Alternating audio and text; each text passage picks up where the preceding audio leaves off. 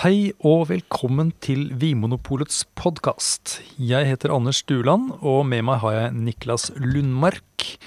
Og vi skal ta en rask rundtur i de viktigste vinområdene i Italia, eh, tenkte vi skulle gjøre nå. Det blir en, et grunnkurs i Italia, eh, og vi har valgt ut Piemonte, Veneto, Toskana, Campania og Cecilia. Um, og ja, men før vi går i gang, så tenkte jeg at um, vi kan nevne dette her med kvalitetshierarki, eller vinloven i Italia. Mm. Og det er sånn at i 1960, På 1960-tallet så opprettet italienerne eh, noe som het DOC, som står for Denominazione Origina Nei. Eh, denominazione eh, origine controllata. Ja. Molto bene. Um, og det er rett og slett eh, vinlov knyttet til et område. Eh, og senere så kom da eh, et høyere nivå som heter DOCG. Um, og mesteparten av vinen fra Italia i Vinpolet er da enten DOC eller DOCG-viner. Det stemmer. Ja. Så vi, vi kommer sikkert til å nevne en del om DOC og DOCG eh, etter hvert. Sånn, Men da vet du at, i hvert fall at DOCG er det beste, og DOC er det nest beste innen uh, italiensk vin. Vi begynner da i Piemonte, og Piemonte ligger da helt nordvest i Italia.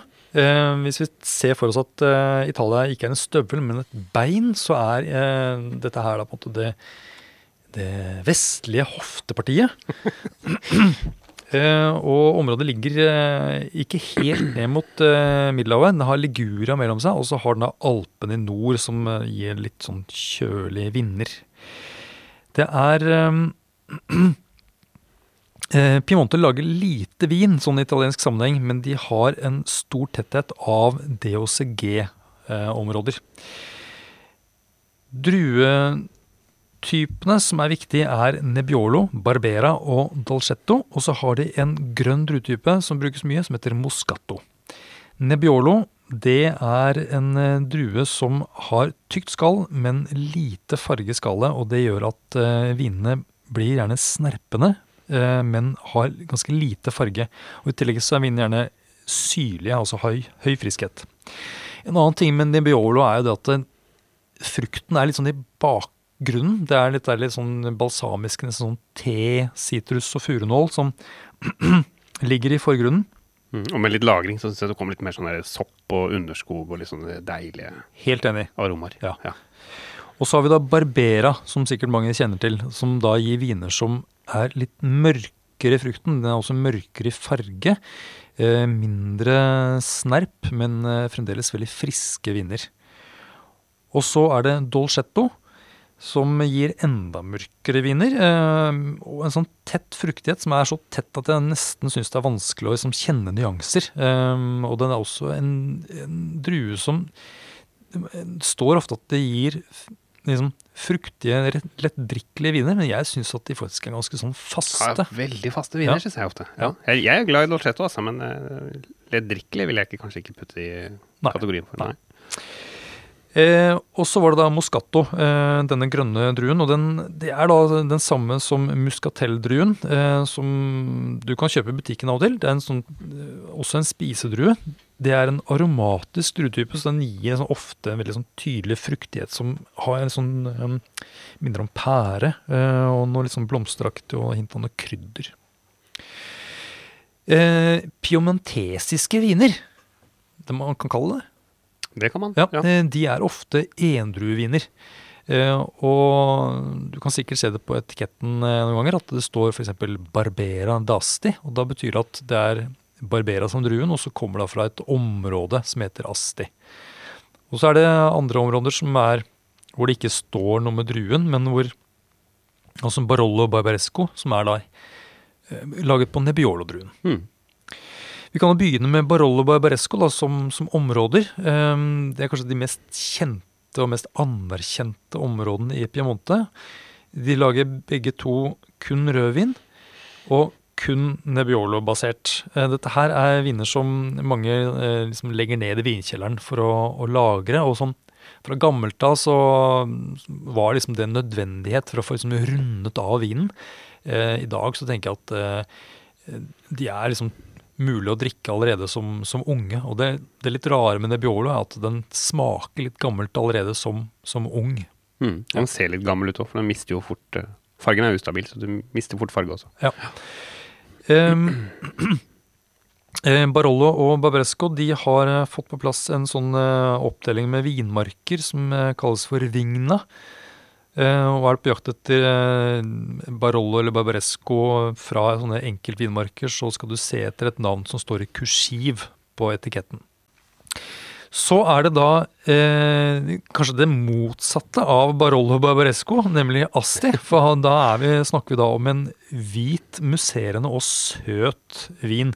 Men som da produseres i et område som ligger eh, faktisk overlappende med Barbaresco. Eh, her er det altså denne muskatelldruen, eller moscato, som brukes. Eh, og det lages da en søt perlende versjon som kalles moscato d'asti. Og så lages det en musserende versjon som heter asti spumante. Rett fram, fruktige eh, viner som passer veldig godt til frukt og krem.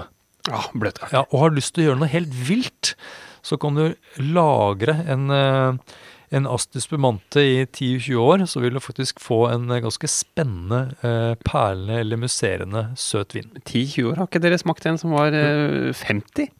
Jo, faktisk. Den var fra 1970. Den hadde endret seg til å bli en hva skal si, mer sånn gyllen og sånn dypere og mer sånn tørket i frukten. Eh, og blitt mer kompleks også. Ja, Det er veldig gøy med en sånn vin som er sånn har, som ikke har spesielt godt rykte, og som uh, tenker er litt sånn der for de unge. Jeg, jeg, jeg er helt enig. Ja. Og ja, Barolo Barbaresco, greit nok, det er liksom alle er enige om at det er lagringsvin. Men uh, at Asti også kan funke, mm, det var nytt for meg. Eh, Barolo Barbaresco er jo dyre viner. Eh, og vil du ha et rimeligere alternativ, så kan du prøve noe fra et område som heter Gattinara, eller Gemme, som begge to ligger da litt lenger nord i Piemonte, eh, der det også er litt kjøligere. Og det rare er at eh, disse områdene faktisk var mer anerkjent i, på 1700-tallet enn Barolo og Barbaresco. Det stemmer. Mm. De, de tappet faktisk viner eh, på flaske 200 år før Barolo. Ja, tenk på det. Ja. Ja.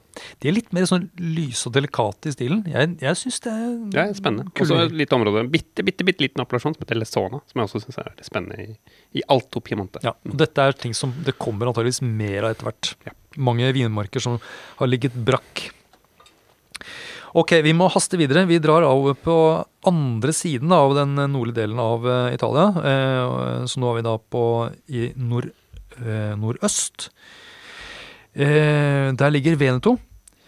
Og Veneto eh, har flere veldig kjente områder. Vi kan ta noe med druetypene først, kanskje. Eh, Corvina er den mest brukte blå druetypen, som gir sånn typisk sånn kirsebæraktig aroma. Med sånn hint av sånn pepper og blomster.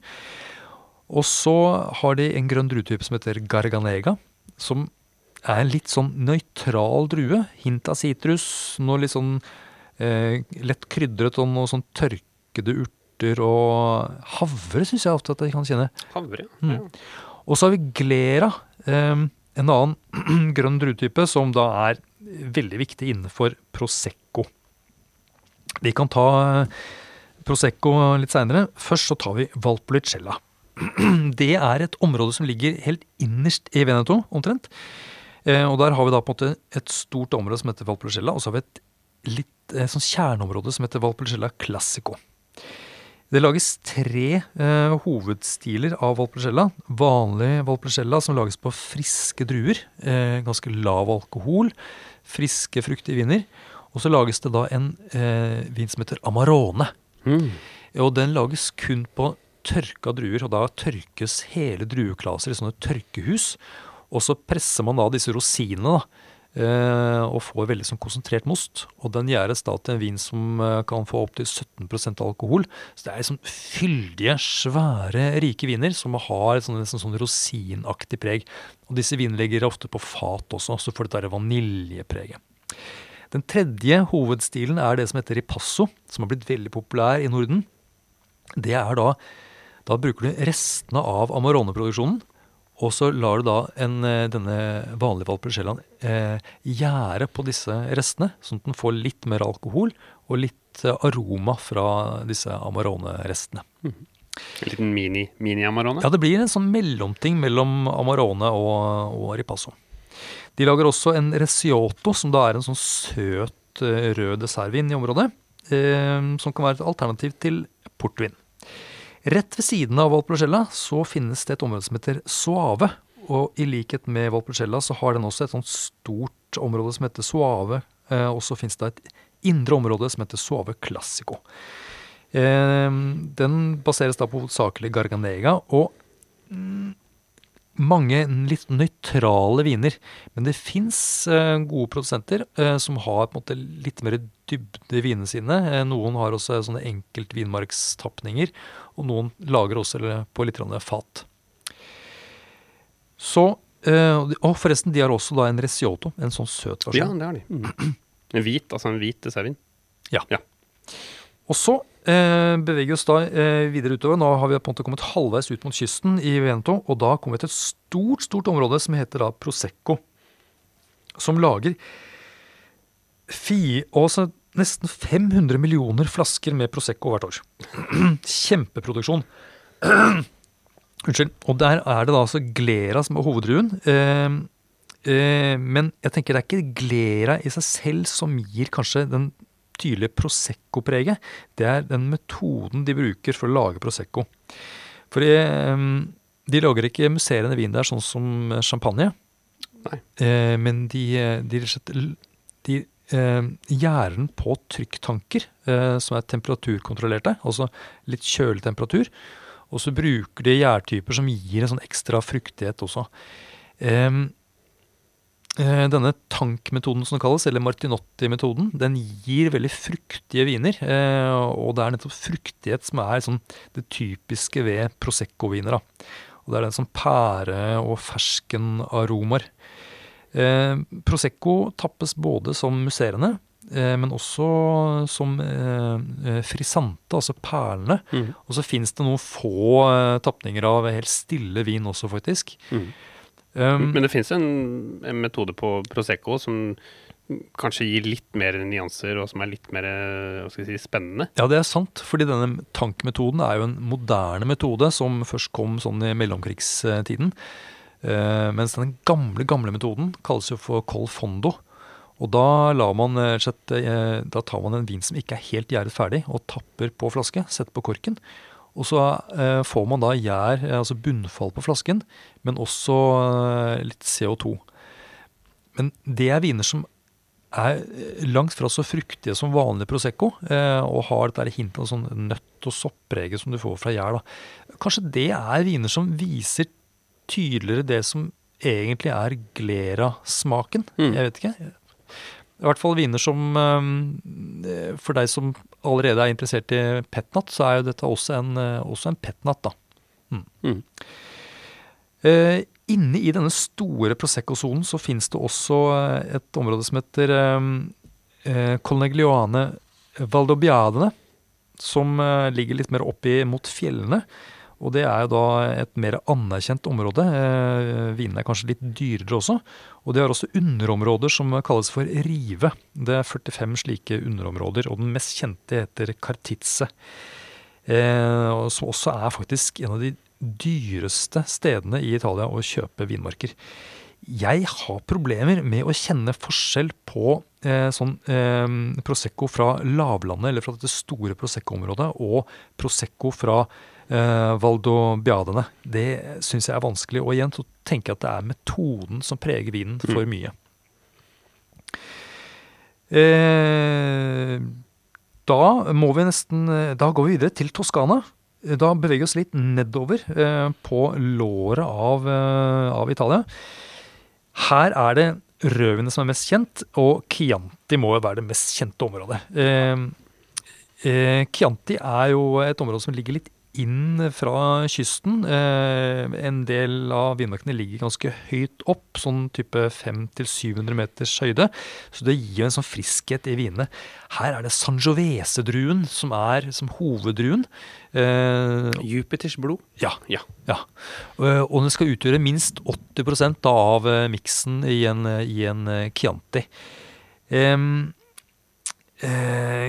Chianti er jo en, en ganske stort område, men så fins det et mindre område som heter Chianti Classicos. Det blir sånn samme systemet som både for Valpolicella og Suave. Um, og det er kanskje de mest eh, kjente produsentene finner du da i denne Classico-sonen. Men det fins også eh, spennende viner, spesielt fra Rufina, eh, i dette stor-Chianti. Chianti er jo et, et område som har slitt slitt med dårlig eh, rykte, spesielt sånn fra 70-tallet og 80-tallet, hvor det var sånne bastflasker. Eh, men jeg tenker at kvaliteten har tatt seg veldig opp eh, i siste årene. Mm. Og for meg kanskje noe av de mest spennende vinene fra Toskana kommer fra, fra Chianti. Litt sør fra, for Chianti så ligger da Brunello di Moltalcino, som er på en måte eh, juvelen i Toskana, vil mange si. Eh, og det er, eh, her er det ren Sangiovese som er eh, basen. Ikke lov å blande inn noen andre druetyper. Men eh, det lokale navnet er da Brunello. Eh, og her må vinen lagres i minst to år på fat, så her er det ofte et tydelig fatpreg på vinen også. Dette er viner som har høy høy pris, koster mye. Eh, og de er jo, står sterkt spesielt det amerikanske markedet. Dette er sånn vinsamlerens eh, vin. Eh, faste, mørke viner ofte. Eh, de vinene fra litt høyere vinmarker kan eh, kanskje bli litt mer delikate i stilen. Eh, det fins en på en måte en lillebror til Brunello som heter Rosso de Montalcino. Som eh, ikke må ligge på fat, eh, og som er en litt sånn fruktigere og litt mer tilgjengelig stil. Og eh, også billigere. Ved siden av Brunello de Montalcino så fins det et område som heter Vino Nobile de Montepulciano. Eh, dette er mindre og også mindre kjent. Eh, og her, eh, men jeg tenker at liker du Brunello, så liker du sannsynligvis Vino Nobel også. Eh, mm. Det er kanskje litt mer tilgjengelig enn Brunello, men har mye av det samme liksom mørke bærfrukten. Men det, det, er også, Selv om den heter Vino Nobel di Montepulciano, så er det ikke druen Montepulciano. Det er, det er fortsatt Sangiovese, ikke sant? Ja. ja. Og også her finnes det en sånn Rosso-variant, da. Mm. Mm -hmm. eh, da tror jeg Ja. For, vi må ikke glemme uh, kysten av Toskana. Det er sant. Er det jo, du startet jo med å nevne disse kvalitetshierarkiene, sånn DOC og DOCG. Uh, men det var jo noe på 60-, 70-, 80-tallet så var det en del produsenter som ønsket å lage vin som ikke gikk innenfor disse kvalitetskravene. Uh, enten om det var druene de brukte, f.eks., eller druemiksen. Eh, det var noen som ønsket å, i Toskana å, å, bruke franske druesorter. Lage litt sånn eh, Bordeaux-kopi i området Bolgeri, som ligger helt på kysten. Uh, og så var det også produsenter i Chianti Classico-området som uh, ønsket å lage kvalitetsvin på ren Sangiovese, og gjerne bruke små franske eikefat som. Eh, dette var jo ikke lov på den tiden, så de lagde jo da dette som kalles for supertoskanere, som jo blei regnet som kanskje noe av de beste vinene fra Italia, men de ble klassifisert som enkel bordvin, altså VDT eller ja. Så de fikk da etter hvert en egen klassifikasjon som heter eh, YGT, Toskana. Så supertoskanere i dag er ofte laget på franske druesorter, sånn som Cabernet Sauvignon, Cabernet Franc eh, osv. Ja, men de, men de, kan også lages på ren Sangiovese? Kan også lages på ren Sangiovese. Så det er de som eh, lages på ren Sangiovese. Mange av de kunne vært klassifisert som en Chianti Classico i dag, men de eh, velger å bruke eh, IGT, da, som ja. er, det er litt for merkevarens skyld. Jeg synes, det er jo litt forvirrende med dette supertoskane-begrepet, for det er, ingen, det er, jo ingen, lov knyttet til det navnet. Det er ikke Nei. sånn at det må være den, den typen druer eller den metoden. Nei. Så det er mer at uh, det ble skapt en tradisjon. Uh, ja, og du ser jo nå ofte at mange av disse her bolgrevinene som lages på franske druesorter, det blir alle blir kalt supertoskanere, men det er jeg ikke enig i. Det, det, er mye av det som ikke er supert. Uh, det må ses litt sånn historisk kontekst. Ja, ta det med en klype salt. Ja. Mm. Hvis du ønsker å høre hele historien, så har vi jo lagd en egen podkast på supertoskanere. Ja. Mm. Da beveger vi oss eh, sørover, Anders. Forbi Roma og ned til Napoli. Eh, og, og der finner vi Ja, det er jo kjent for sånn Amalfakysten og Pompeii og disse tingene. Men, eh, og varme og bading og sol og sommer. Vesuv. Vesuv, ikke minst. Mm. Men uh, her er det jo også en del eh, høye fjell som gjør at uh, det finnes også kjølige områder. Um, dette her er jo uh, har en sterk historie fra romertiden. Og det var jo, Pompeii var jo liksom romernes viktigste utskipningshavn til, uh, til kvalitetsvin til hele Romerriket. Um, og de druene som brukes i dag, er de samme druene som ble brukt på den tiden. Uh, og de viktigste grønne druene der er druene Greco og Fiano. Og så lages det også en del vin på en drue som heter Falangina. Og på blå druer så er det Alianico, som er liksom Sør-Italias uh, juvel når det gjelder uh, rødvin. Uh, de beste vinene herfra også blir også kalt for Sør-Italias Barolo, fordi vin på Alianico kan ligne en del på, på Nebbiolo. Med liksom høy syre, mye snerp. Ganske lik sånn aromaprofil. Du har nevnt tidligere at som Nebbiolo med, med oliven. Da har du Taurasi. Mm. Eller Alianico. Og også lagringsdyktige viner. Veldig lagringsdyktige viner. Så har du lyst til å uh, kjøpe en dåpsgave, så anbefaler jeg eh, Taurasi. Taurasi er jo rødviner som gir liksom uh, mye snerp, men også masse deilig sånn flott frukt og topptoner. Mm. Uh, og så Greco Fiano, da er det Greco di Tufo og Fiano di Avellino. Som jeg, jeg vil kanskje påstå at eh, her er vi noe av de beste hvitvinene fra eh, Italia. Overraskende nok, egentlig, i og med at det ligger så langt sør. Ja, men eh, sånn som Fiano Diavolino, der er, ligger jo mange av vinmarkene veldig høyt, sånn fra 500 til 800 meters høyde. Så det er ganske kjølig område, gir veldig sånn mineralske, friske, fruktige viner. Det er kanskje min favoritt, nettopp fordi de er, de er såpass fruktige. De er fruktigere enn Greco de Tufo, Ja. som er mer en sånn derre munnfølelses-hvitvin. hvis Ja, jeg- den har en litt sånn grep, nesten litt sånn litt tannin nesten. Den blir kalt for liksom sånn rødvinshvitvinen i Campania. Ja. Men ikke så aromatisk som eh, Fiano. Um, Jeg, tr jeg tror mange ikke kjenner så godt til vinene fra Campania. Nei, det er litt synd, egentlig. Eh, for det er spennende viner med en eh, lang historie. Mm. Så jeg, eh, og selv eh, Falangina, da, det er jo eh, kom, er det liksom, Kanskje de beste vinene er fra Falerno del Massico. Og hvis du leser eh, romersk litteratur, så kan du høre om den beste vinen som de hadde på romertiden. Det var eh, viner fra Falernum. Eh, så det finnes den dag i dag. Eh, skal vi ta Cecilia? Ja, fotballen. Ja. Så har vi vært, nå har vi vært på støvelen og beveger oss ned til eh, fotballen. Stor øy. Eh, har også en lang vinhistorie. Og også en vulkan. Også en vulkan. Akkurat sånn som Campania. Ja. Uh, og her er det mm, De har bare én DOSOG, i motsetning til Piemonte, som har veldig mange. ja. Uh, men jeg syns faktisk at de, de beste vinene på, på Sicilia, de, de lages rundt eh, vulkanen Etna. Eh, Etna Rosso på druen eh, Nerello Mascalese. Eh, som kan være en litt sånn, minne om en litt sånn blanding mellom Pinot Noir og Nebbiolo. Har gjerne den samme sånn flotte friskheten og fruktigheten som i en Pinot Noir, og strukturen til en eh, Nebbiolo.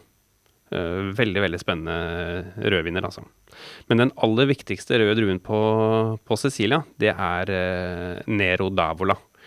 Eh, lages i stort monn. Eh, ofte på lavlandet, litt sånn varmere, for Sicilia er jo varmt. Eh, bortsett fra Etna, som ligger ganske høyt. Der ligger jo vinmarkene fra sånn 400-500-600-700 meters høyde. De høyeste vinmarkene ligger vel på sånn 1200 meter, høyeste i, i Europa. Uh, mens Nero Davla lages ofte på lavlandet. Uh, ofte sammenlignes litt med sånn Cabernet Sauvignon, litt sånn eh, Ganske strukturerte viner. Eh, men eh, jeg syns ofte at det kan bli litt sånn sviskete. Litt sånn eh, sviskekompott. Eh, men hvis man får Nero Davla blandet med min eh, favorittdrue fra Sicilia, kanskje. Eh, Frappato. Og det får man nettopp i eh, Cerasolo di Vittoria, som er den eneste Deusagen. Eh, 60% fra Neurodavola og 40 fra Pato. Eh, så blir det litt mer nyanserte, friskere viner. Eh, men jeg syns jo endrue fra Pato-viner, det er jo et fyrverkeri av en bærfest. Ja, bærfest, ja. Det er bringebær og jordbær og granateple og pepper og litt eh, blomster. ja. Det er nesten så mye at det, blir, at det bikker over mot noe sånn useriøst. Ja, men det er, Er det gøy med litt useriøst, da. Ja, det er litt sånn, sånn, eh, det er litt sånn vinpop, Ja, på en måte. ja men det Ja. er jo Lett nynnbar.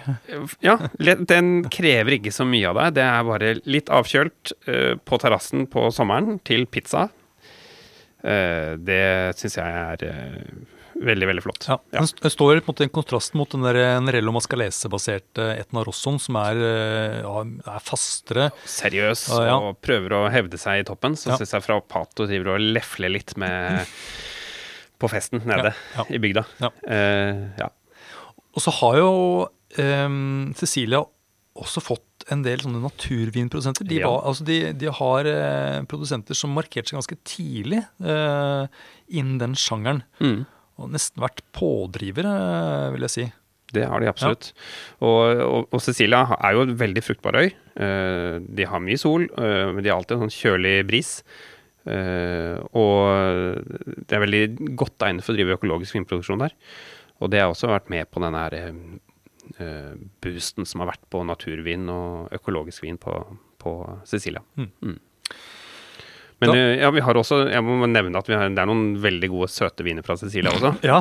Vi kan ikke glemme det. Nei. Vi kan ikke bare snakke om tørrvin. Det er en forblåst øy som egentlig ligger nærmere Tunis i Afrika enn Sicilia. Der lages det Pasito de la Pantelleria, som, eh, hvor vinmarkene er som De er innrammet de i sånne steinmurer, ellers er de eh, gravd ned liksom ut i sanda. Tørkes, lages fantastisk søtvin. Ja, jeg er enig. Ja. Komplekse muskatelviner. Ja. Ja, eh, ja, nå har vi jo rast gjennom eh, Italia, Niklas. Og, og det slår meg jo at eh, eh, jeg lovte at, vi skulle, at jeg skulle ta for meg liksom DOC-er og DOCG-er underveis. Eh, men det glemte jeg jo helt. Det, det beklager jeg. Så eh, hvis du lurer mer på eh, liksom, områdenes eh, DOC eller DOCG-status, så må du nesten eh, slå opp på en, eh, på en nettside, eller Vi har jo noen episoder fra tidligere, Campania, Bolgeri og litt sånt, som er litt grundigere til verks. Ja, det var en kjempegod idé. Ja. Og kanskje vi kan lage noen, en litt lengre Italia-episode seinere òg. Mm. Ja. Tusen takk. Takk skal du ha. Takk for at du hører på Vinmonopolets podkast. Har du forslag til et tema i podkasten? Send mail til podkast at vinmonopolet.no. I tillegg svarer kundesenteret deg på e-post, chat og telefon.